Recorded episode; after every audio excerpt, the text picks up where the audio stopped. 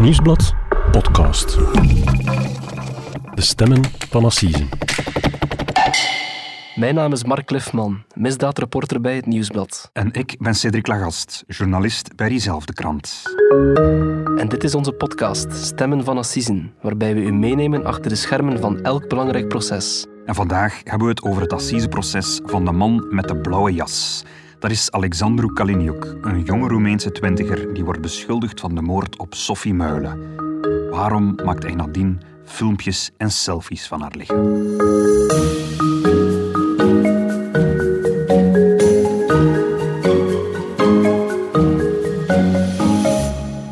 Dag Mark. Dag Cedric. Hier zitten we terug in onze studio. Ehm, we gaan het vandaag over een spraakmakende moord hebben. Een, een, moord die een aantal jaren geleden gebeurd is in Knokke, waar we in der tijd heel veel artikels hebben over geschreven. Jij ook, ja, dacht ik. Klopt, het is een, een, zaak die vier jaar geleden dus voor enorm veel beroering heeft gezorgd. Uh, het gaat om een, een, jonge blonde vrouw die tijdens een winternacht na een avondje uit met haar nieuwe vriend uh, plots verdwenen was. En de, de volgende ochtend werd zij ja, dood aangetroffen op het strand van Knokke. Laten we uh, misschien eventjes meeluisteren. Toen wandelaars zondagmorgen het lichaam ontdekten van de vrouw, bleek al snel dat het om een verdacht overlijden ging. Nu de wetsdokter klaar is met de autopsie, wordt dat ook officieel bevestigd. Een precieze doodsoorzaak maakt het parket niet bekend. Het is wel duidelijk gebleken uit de autopsie deze morgen dat uh, het slachtoffer met geweld om het leven is gebracht door derden. Dus dat wil zeggen dat er andere mensen bij betrokken waren, maar jullie kunnen daar heel weinig over kwijt. Wij kunnen daar weinig over kwijt, uiteraard in het belang van het onderzoek, omdat wij een resultaat willen bereiken, zeker voor de nabestaanden. Maar dat zij om het leven werd gebracht, is wel duidelijk. Mark, uh, we hoorden hier een fragment van de regionale zender Focus WTV, de dag na de feiten, de dag na die vrouw uh, terug was gevonden op het strand van het moderne Knokke. We spreken over januari 2017, meer dan vier jaar geleden. Hè, hoorde de West-Vlaamse procureur Finn Maddes. Ze vertelt over uh, de eerste vaststellingen die gedaan zijn. De familie van die jonge vrouw is aangericht. Maar begin eens bij het begin hoe is dat lichaam precies aangetroffen? Want ze lag blijkbaar gewoon op het strand. Ja, ze lag inderdaad gewoon op het strand. Dus, dus het is eigenlijk gebeurd op, uh, op, op zondag 22 januari, om precies te zijn. Uh, om 20 over 12, smiddags, kreeg de noodcentrale, de 112, kreeg zij plots een oproep binnen van een man die tijdens een, een wandeling op het strand van Knokke uh, onder een houten staketsel van een, van, een, van een restaurant, pal aan de zeedijk, dus het lichaam van die jonge vrouw had aangetroffen. Dus dat lichaam was wel een beetje verstopt, want rond de het lag dus wel onder, ja, het lag niet helemaal in het zicht. Het was dus onder het staketsel van het restaurant dat het lichaam lag. Nu, die, wandel, die wandelaar heeft ambulanciers gebeld. Die waren uh, snel ter plaatse. Uh, die man stond dan ook op te wachten. Maar goed, die, die vrouw reageerde niet meer. Um, ze lag op haar rug. Haar ogen waren ja, half open. En de ambulanciers merkten ook dat er ja, aan haar mondhoeken was er ook speeksel te zien. Dus die ambulanciers die konden daar eigenlijk niet veel niet meer doen, want die vrouw was al een tijdje dood. Ja, nee, uh, reanimeren had, uh, had, inderdaad geen zin meer. Uh, dus die, die jonge vrouw die voelde koud aan. En opvallend ook, ondanks de, de koude, het, het, was aan het vriezen die nacht, was ze heel licht gekleed in een, in een korte rok en een witte blouse met korte mouwen. En opvallend was dat die, die blouse zat omhoog en haar nylonkousen die waren gescheurd. Bovendien ja, droeg die vrouw ook geen, geen jas en had hij ook geen handtas of papieren of zo bij zich. Dus ze wisten niet onmiddellijk wie dat die vrouw was, maar uiteindelijk hebben ze wel kunnen achterhalen dat het ging om Sophie Muilen, een ja. jonge vrouw uit Roeselare. Klopt. Dus ja, dus Sophie Muilen was een jonge vrouw van 27, eh, afkomstig uit Roeselare. Ze heeft wel een beetje een, ja, een tragisch levensverhaal. Um, op zich hadden zij een normaal gezin, eh, niets vreemds of zo, maar ja, ze had het heel moeilijk om ja, het verlies van haar mama te verwerken. Ze was amper zes toen haar, uh, toen haar moeder uh, gestorven is aan, aan borstkanker. later, toen ze, toen ze een jaar of twintig was, heeft ze ook nog eens haar, haar broer verloren. Die is gestorven door verdrinking. En ja, ze heeft het altijd wel, dus volgens haar familie en kennissen, heel moeilijk gehad om, om dat te verwerken. Ja, dat heeft een impact gehad dan. Ja, absoluut. Um, volgens haar entourage was dat dan dat uit is bijvoorbeeld, ja, is altijd moeilijk om zich te settelen, de juiste, de juiste partners te vinden, de juiste personen te vertrouwen. Het tragische aan het verhaal is een beetje dat uh, kort voor haar dood um, had ze eigenlijk een nieuwe vriend leren kennen, uh, Wouter. Um, ze was daar heel gelukkig mee. Ze had, zat een, een, dag voor haar dood had ze nog naar haar vader gebeld om te zeggen van kijk, ik ben in de wolken met hem en ik ben al bij hem ingetrokken. En het leek alsof ze dan ja, voor het eerst sinds lang terug uh, mooie plannen had voor de toekomst. En het was dus met die Wouter dat ze de fatale nacht op, op 22 januari in Knokke was. Ja. Zij is van Roeselaar, hij is van Brugge, begrijp ik. Waarom waren ze eigenlijk in Knokken die avond? Wel, dus om die, om die laatste avond te reconstrueren moeten we eigenlijk ja, teruggaan naar, naar, naar 12 uur middernacht. Ehm Wouter die werkte, als, eh, werkte in de horeca in Brugge ehm, en zij was nog op zijn appartement. Maar toen hij dan rond middernacht terugkeerde naar huis, hadden ze eigenlijk alle twee wel zin om nog, eh, ja, om nog een stapje te zetten, om nog, een, eh, om nog, eens, ja, om nog te gaan feesten. En niet in Brugge dan, want ja, ze, zijn al, ze wonen in Brugge. Maar ze zijn eerst naar Brugge geweest, maar daar was niet meer zoveel te beleven in de loop van de nacht. Ehm, en toen had ja, Wouter voorgesteld van kom, we gaan naar de Club. Dat is een eh, ja, populaire danscafé in Knokke. En zij was daar nog nooit geweest. En had, hij had voorgesteld van kom, we gaan eens naar daar. En dan hebben ze een taxi naar Knokke genomen. Maar hij heeft om middernacht gedaan na, met werken. Ze gaan eerst nog uit in Brugge. Ik vermoed dat het al een flink stuk in de nacht was, eens dat ze in, in Knokken toekomen. Inderdaad, en dan die, die Kitsch Club, dat was eigenlijk ook al, dat liep ook al op zijn einde. We- spreken al over een uur of vier, vijf uur s'nachts. En toen hebben ze gekeken wat er in de buurt nog open was, denk ik. Eh, maar dat was nog een cafeetje, de Piano Bar. Een klein cafeetje naast het casino. Eh, dat was nog open, dat is blijkbaar een café waar je nog lang tot, eh, tot, tot 's ochtends vroeg kunt, kunt punterieren. Eh, en dan zijn ze naar daar geweest en daar zijn ze voor het laatst dan samen geweest. En op een bepaald moment verdwijnt Sophie Muilendam, begrijp ik. Op een bepaald moment is ze plots weg. Ja, wel, wat, wat we daarvan weten is van, ja, ze hadden natuurlijk wel een en ander gedronken die nacht. Ehm, en, en Wouter merkte blijkbaar ook wel dat eh, Sofie op een gegeven moment op, ja, een beetje over haar woorden struikelde. En zij had dan aangegeven van, ja, ik ga eventjes naar buiten een luchtje scheppen. Ehm, maar goed, het is, eh, het is midden in de winter op dat moment. Het vriest, zij is koud. En we hebben al gehoord dat ze op dat moment zomers gekleed was, dat ze eigenlijk geen winterse kleren aan had. Nee, inderdaad. Nu, ze had nog haar, eh, haar zwarte bontjas aangetrokken. Maar goed, ze, ze ging naar buiten. ehm, dus ja, rond kwart voor vijf s morgens. Ehm, Wouter dacht van ja, ze zal eventjes een sigaretje gaan roken zijn. Maar na eh, twintig minuten kwam ze nog steeds niet terug. En toen begon het hem toch een beetje ja, te dagen van ja, waar, waar, waar blijft ze? Hij is daar gaan zoeken natuurlijk. Hij is daar gaan zoeken, hij heeft een rondje gemaakt rond het casino, heeft haar naam geroepen. Eh, maar goed, Sophie bleek eh, nergens te bespeuren. En hij kon haar nergens, ook niet via haar telefoon bereiken of zo. Hij kon haar niet... Wel, dat, ja, hij was daar een beetje misnoegd over. Dus hij heeft, hij heeft zelf zijn telefoon genomen en heeft dan ja, eh, x aantal keer gebeld. Ik denk zes keer gebeld naar haar, eh, maar ze nam niet op. Hij heeft dan ja, een beetje boze berichten zitten sturen, want ja, hij voelde zich eigenlijk in de steek gelaten. Hij dacht dat van- ze weggelopen Hij dacht dat ze weg was en hij vond dat, ja, hij vond dat natuurlijk niet gepast. Maar goed, hij heeft dan blijven wachten eh, in de hoop dat ze zou terugkeren, maar dat is dan niet gebeurd.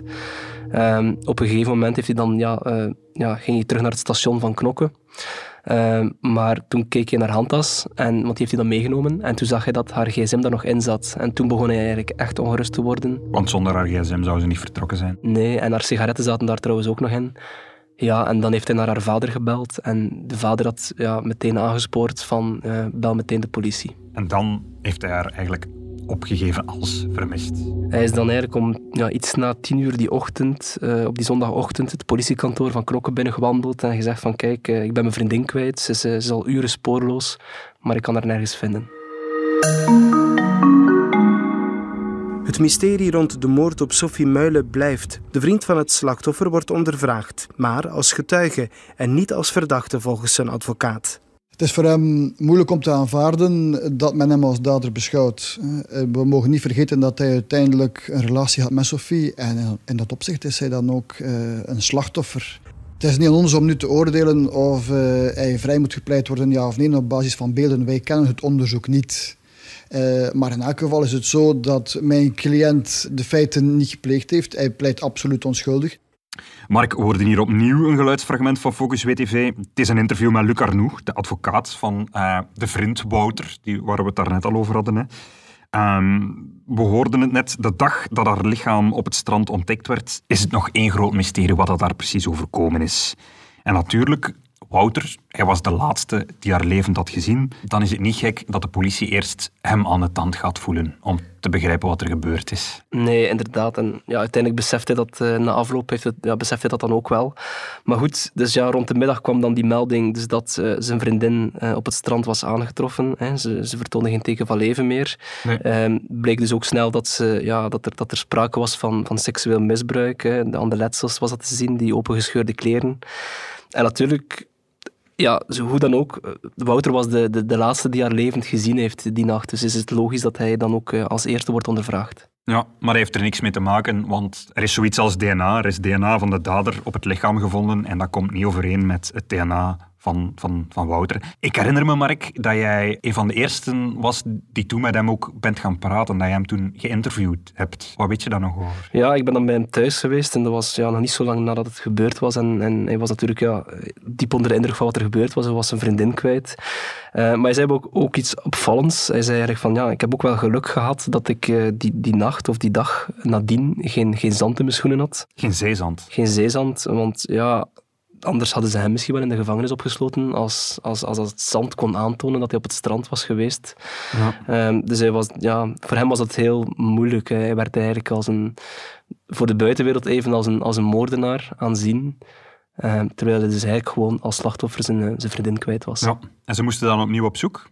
Ze moesten dan natuurlijk, ja, als hij het niet gedaan had, dan moest er een andere dader zijn. Um, dus moest de politie op zoek naar iemand die uh, Sophie op het strand had toegetakeld en, en verkracht. En een van de eerste dingen waar de speuders ja, toch enorm hebben op ingezet, is het, uh, het opvragen en het bestuderen van uh, al het mogelijke beeldmateriaal. Dus alle camerabeelden in de buurt van de zeedijk en Knokken, die werden allemaal opgevraagd en seconde per seconde geanalyseerd. En ik herinner me dat die beelden dan ook op televisie werden getoond, dat er opsporingsprogramma's werden uitgezonden en dat die beelden dan aan het grote publiek werden getoond. En toen hebben we de man met de blauwe jas leren kennen, want er was altijd iemand die zich die hele ochtend een beetje raar had gedragen op de dijk in Knokken. En ze wisten niet wie die man was, maar dat was een man met een hele felle, opvallende blauwe jas. Ja, dat was meteen het meest verdachte aan heel die situatie. Dus dat was rond een uur of acht, negen uur s morgens. Kwam die man, uh, op, ja, op de bewakingsbeelden was dat dan te zien, kwam die man uit de richting van het staketsel, daar waar Sophie gevonden was. Uh, en hij wordt eigenlijk op verschillende beelden steeds herkend. Uh, de ene keer is hij aan het bellen, de andere keer zit hij inderdaad wat raar door het zand te lopen. En eigenlijk zelfs nog in de uren nadien blijft hij daar in de buurt rondhangen, terwijl de politie ja, ja, bezig is met een, met een grootschalig onderzoek. Um, en een van de meest opvallende dingen daar is dat ja, er is een één rechercheur die kruist hem op de zeedijk. En die heeft er zo'n beetje een raar gevoel bij, omdat hij plots een gsm neemt. Mm um, en ja, door dat rare gevoel heeft hij dan toch besloten om er een foto van hem te maken. Van de man met de blauwe jas. Van de man met de blauwe jas. En die foto kon ze dan later gebruiken um, om hem op te sporen. Maar goed, um, het blijkt dus dat het buikgevoel van die ene agent uh, de juiste was. Hier, op ongeveer 40 meter van de plaats waar Sofie aangetroffen is, hadden wij een sleepspoor. Wij zien dat die man in de directe omgeving van dat sleepspoor ook rondloopt. De man gedraagt zich bijzonder vreemd. Hij schopt in het zand, jogt soms of lijkt zelfs even te huppelen. Iets na 14 uur duikt hij voor het laatst op, net nadat het lichaam van Sophie is gevonden. Grote vraag voor ons is nu, wie is de man met de blauwe jas? Als er mensen zijn die hem herkennen op basis van zijn bewegingen, zijn fysionomie of zijn belgedrag, dan horen wij het graag. Ja, Mark, we hoorden hier David Roeland. Dat is een van de moordspeurders van de Brugse federale politie, eh, die het onderzoek voerde na, naar de moord op Sophie Muilen. Ja, inderdaad. Dus de, de, de speurders van de, van de federale politie hebben eigenlijk vanaf dag één echt ja, alles op alles gezet om die zaak te proberen oplossen. Dus we zeiden het net al, dus de alle camerabeelden in de buurt werden opgevraagd en geanalyseerd. Er werden buurtonderzoeken uitgevoerd. De politie heeft bijvoorbeeld ook een, een lijst met, uh, met alle mogelijke toeristen die dat weekend aan de kust verbleven, opgevraagd en uitgeplozen. En meer nog, ze hebben eigenlijk ook een lijst opgesteld van alle mensen uit de omgeving die gekend staan voor bijvoorbeeld, bij het gerecht voor bijvoorbeeld uh, zedenfeiten, geweld en drugsdelicten. Ik, herinner me ook nog dat we geschreven hebben dat, dat ze toen bekeken hebben wie er die dag allemaal contact maakte met de gsm-masten aan de dijk van Knokken. Dus iedereen die daar was, zijn gsm, maakt een, een contact met zo'n mast. En, en, zo konden ze een hele lijst ook hebben van mensen die daar ergens in de buurt hebben moeten rondgelopen hebben aan de hand van een, van een, van een telefoonnummer. Eigenlijk komt dat erop neer dat ze een gigantische lijst met namen hebben. Inderdaad, dat was eigenlijk een titanenwerk. Uiteindelijk hadden ze zelfs een lijst met 350 namen van mensen die uh, mogelijk in aanmerking kwamen. Het was dus een kwestie van een, een naam op die persoon te kunnen plakken. Is er dan nooit in Knokken een man met een blauwe jas opgevallen?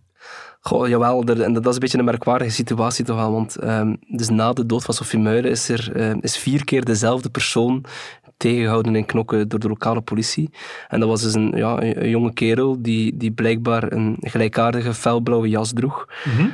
uh, twee keer is, is hij ook specifiek tegengehouden omdat hij die blauwe jas droeg. Ja. Maar telkens mocht die, die man ja, weer beschikken. Ehm, op een gegeven moment is diezelfde persoon ook gecontroleerd aan de schaatspiste van Knokken, omdat hij daar eerder al eens eh, jonge meisjes had lastiggevallen. Dus er is een jonge kerel die jonge meisjes lastig valt met een felle blauwe jas aan en ze leggen het verband niet. Ja, blijkbaar is in die vaststelling dan toch nooit voldoende geweest om hem te linken aan de dood van, eh, van Sophie Muilen.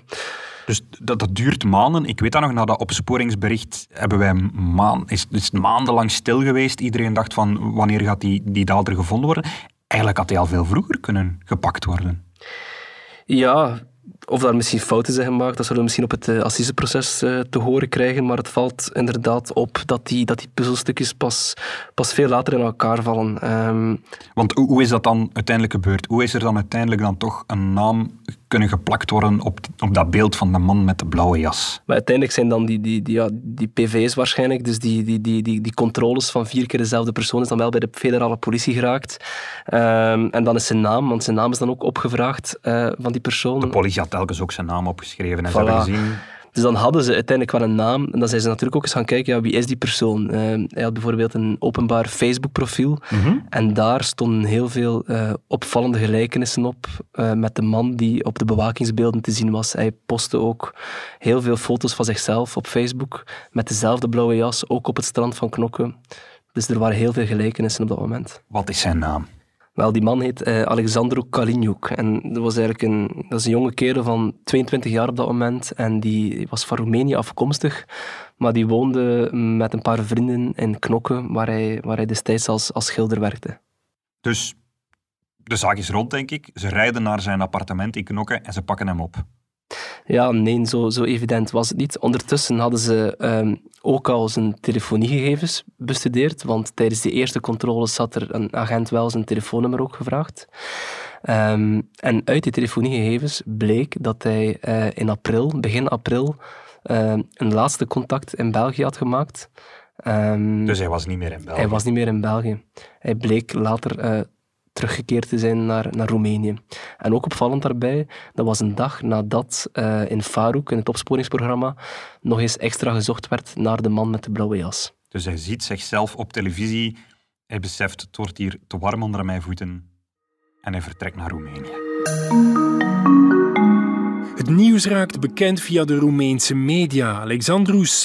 is maandag in zijn thuisland opgepakt. Hij zou de man met de blauwe jas zijn, waar Belgische speurders al ruim drie maanden naar zoeken.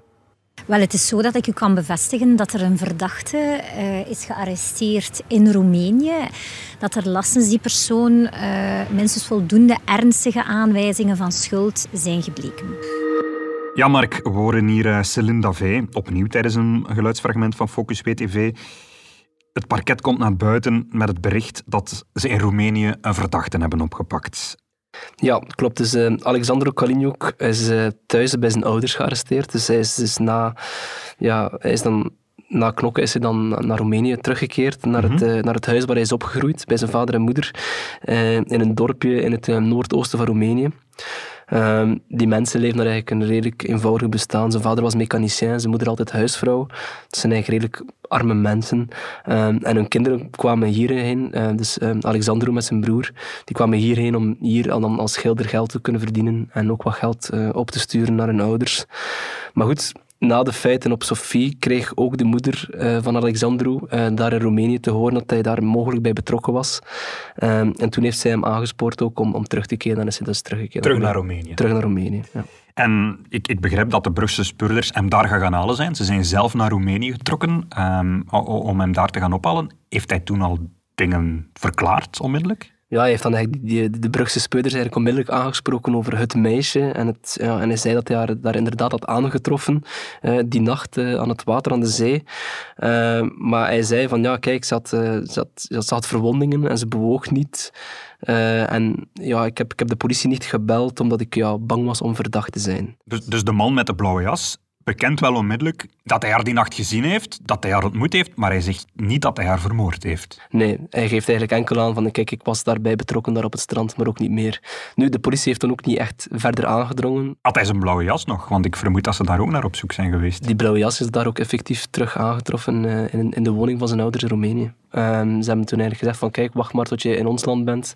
Dan gaan we hij toen nog geen advocaat had. Ja, toen nog geen advocaat. En in ons land zouden ze hem dan wel uh, ondervragen voor het eerst met, ja, in het bijzijn van een advocaat. Ja, maar ze hebben niet alleen hem ondervraagd, ze hebben ook in zijn gsm gekeken, weet ik Ja, nog. want hij heeft dat eigenlijk zelf aangegeven van kijk maar eens in mijn gsm. Ehm, en hij weigerde eigenlijk ook aanvankelijk iets te zeggen. Hij beriep zich op zijn zwijgrecht. Ehm, tot dan ja, die gsm ook geanalyseerd was. En dat is vrij snel gebeurd en dan, ja, daar zijn een aantal uh, ja, toch wel zeer uh, ontluisterende dingen op teruggevonden. Um, niet alleen waren er filmpjes en foto's van, van vrouwen en koppeltjes uh, die hij stiekem gefilmd had in pashokjes van het zwembad in Knokken. Maar eigenlijk vooral van die nacht met Sophie had hij, had hij zelf filmpjes gemaakt waarop te zien is... Van haar? Van haar. Van de nacht van zelf? Sophie, van de nacht zelf. Van Sophie die op het strand ligt. Die, ja, die eigenlijk vecht voor haar leven. Die, ja, ze, ze, ademt nog op dat moment. Ze kreunt nog. Dus ze leeft nog. Maar hij, hij filmt dat en hij geeft daar zelfs commentaar bij op die filmpjes. En hij zegt zelfs letterlijk van ja, kijk eens hoe ze eruit ziet. Het is verschrikkelijk. Ik heb haar zo gevonden. Het is een ramp. Uh, ze kan niet meer geholpen worden. En meer nog, ze heeft, hij heeft dan dus na die filmpjes ook nog selfies met, uh, met Sophie genomen. Dus hij loopt die nacht op het strand. Hij vindt daar een, hij treft daar een zieltogende vrouw aan, een jonge vrouw die in nood is. Maar in plaats van haar te helpen of van een ambulance te bellen, neemt hij foto's van haar. Inderdaad, en ja, um, eigenlijk heeft hij daar ook nooit echt een zinnige uitleg voor gegeven waarom hij dat dan gedaan heeft. Um, hij omschrijft het als van, ja, ik heb die filmpjes gemaakt als een, als een bewijs van ons samen zijn. Kort na zijn arrestatie in Roemenië verklaarde de jonge man via zijn ouders dat hij Sophie Muilen in het zand had zien liggen, maar dat hij haar niet had aangeraakt. Nu dienen zijn advocaten een verzoekschrift in voor een ondervraging met een leugendetector.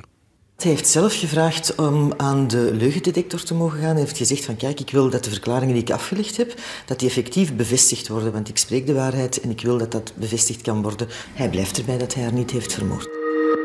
Mark, we hoorden hier heel kort even meester Chantal van de Bossen. Zij is samen met de Antwerpse strafpleiter Pieter Filipovic de advocaat van Alexandru Kaliniuk. Sophie Muilen is om vijf uur verdwenen uit de pianobar. En om acht uur s morgens wordt ze door Kaliniuk gefilmd op het strand van Knokke terwijl ze voor haar leven vecht. Ik vermoed dat ze hem toch wel heel vaak aan de tand hebben gevoeld, dat ze hem vragen hebben gesteld van wat er die nacht nu eigenlijk precies gebeurd is. Want hij geeft niet toe dat hij haar vermoord heeft. Klopt, dus hij is, ja, hij is echt urenlang ondervraagd geweest door de, door de politie. Um, ook heel zijn tijdsgebruik die nacht is, is in kaart gebracht, uh, wanneer hij voor het laatst op camerabeelden te zien is geweest. Maar goed, uiteindelijk uh, blijft hij eh, bij het verhaal van kijk, ik was alleen aan het uitgaan die nacht. Um, mm -hmm. Op een gegeven moment ging ik terug naar huis en ik ging via het strand uh, omdat ik nog een sigaretje wilde roken. En thuis hadden mijn huisgenoten dat niet graag dat ik nog een sigaret rookte.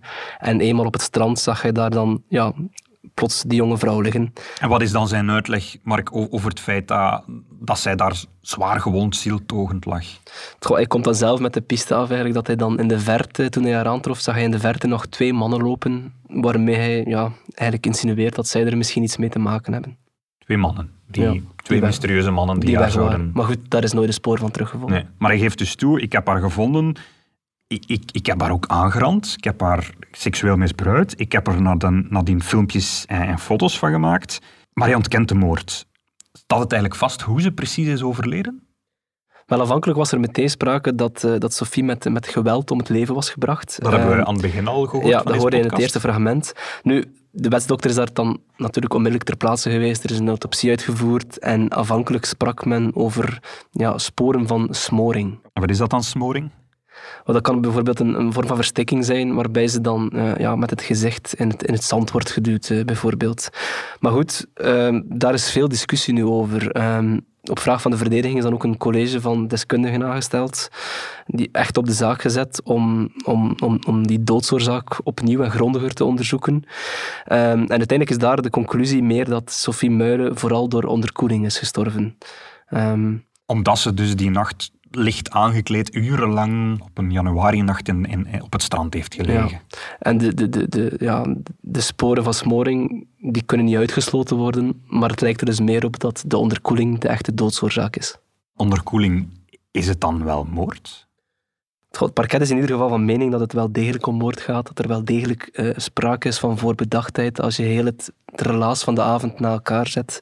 Omdat ze misschien geloven dat hij voordien haar ook iets heeft ja, omdat er aangedaan. ook wel sporen van geweld waren. Dan is er dan die verkrachting geweest. Wat hij verzwijgt dan. Wat hij verzwijgt. En dan uh, de, de, de filmpjes en de selfies. Maar goed, hij, hij wordt eigenlijk uh, vervolgd voor twee feiten. Dus enerzijds de moord, maar anderzijds ook uh, de verkrachting voorafgegaan door foltering. En dat is ook niet onbelangrijk, want stel dat de jury hem op het assiseproces vrijspreekt voor de moord met voorbedachtheid, mm -hmm. dan kunnen ze hem nog altijd veroordelen voor verkrachting.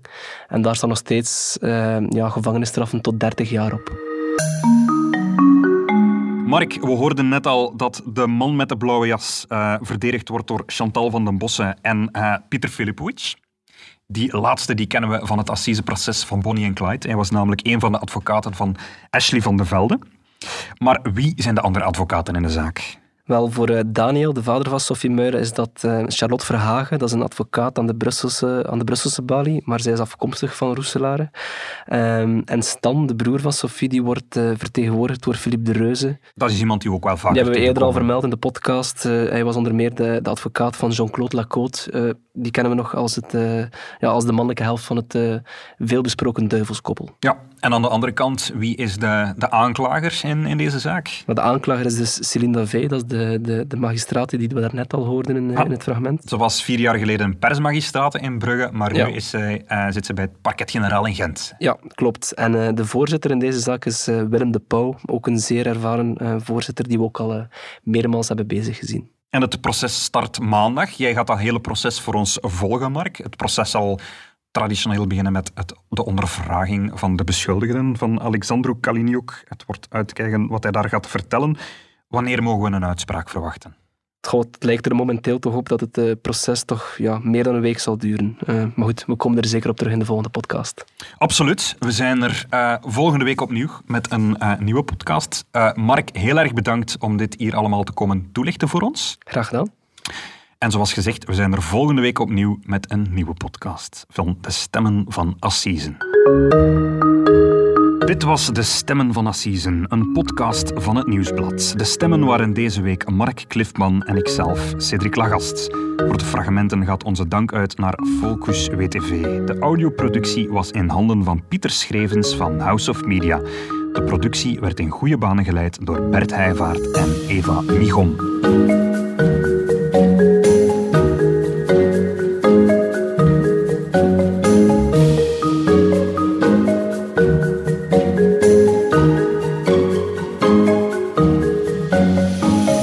Ook de andere podcasts van het Nieuwsblad al ontdekt? Slimmer Leven, daarin praten we je bij wat er echt toe doet in het leven. En met het punt van Van Impe praat onze hoofdredactrice Lisbeth Van Impe je bij over de politieke actualiteit.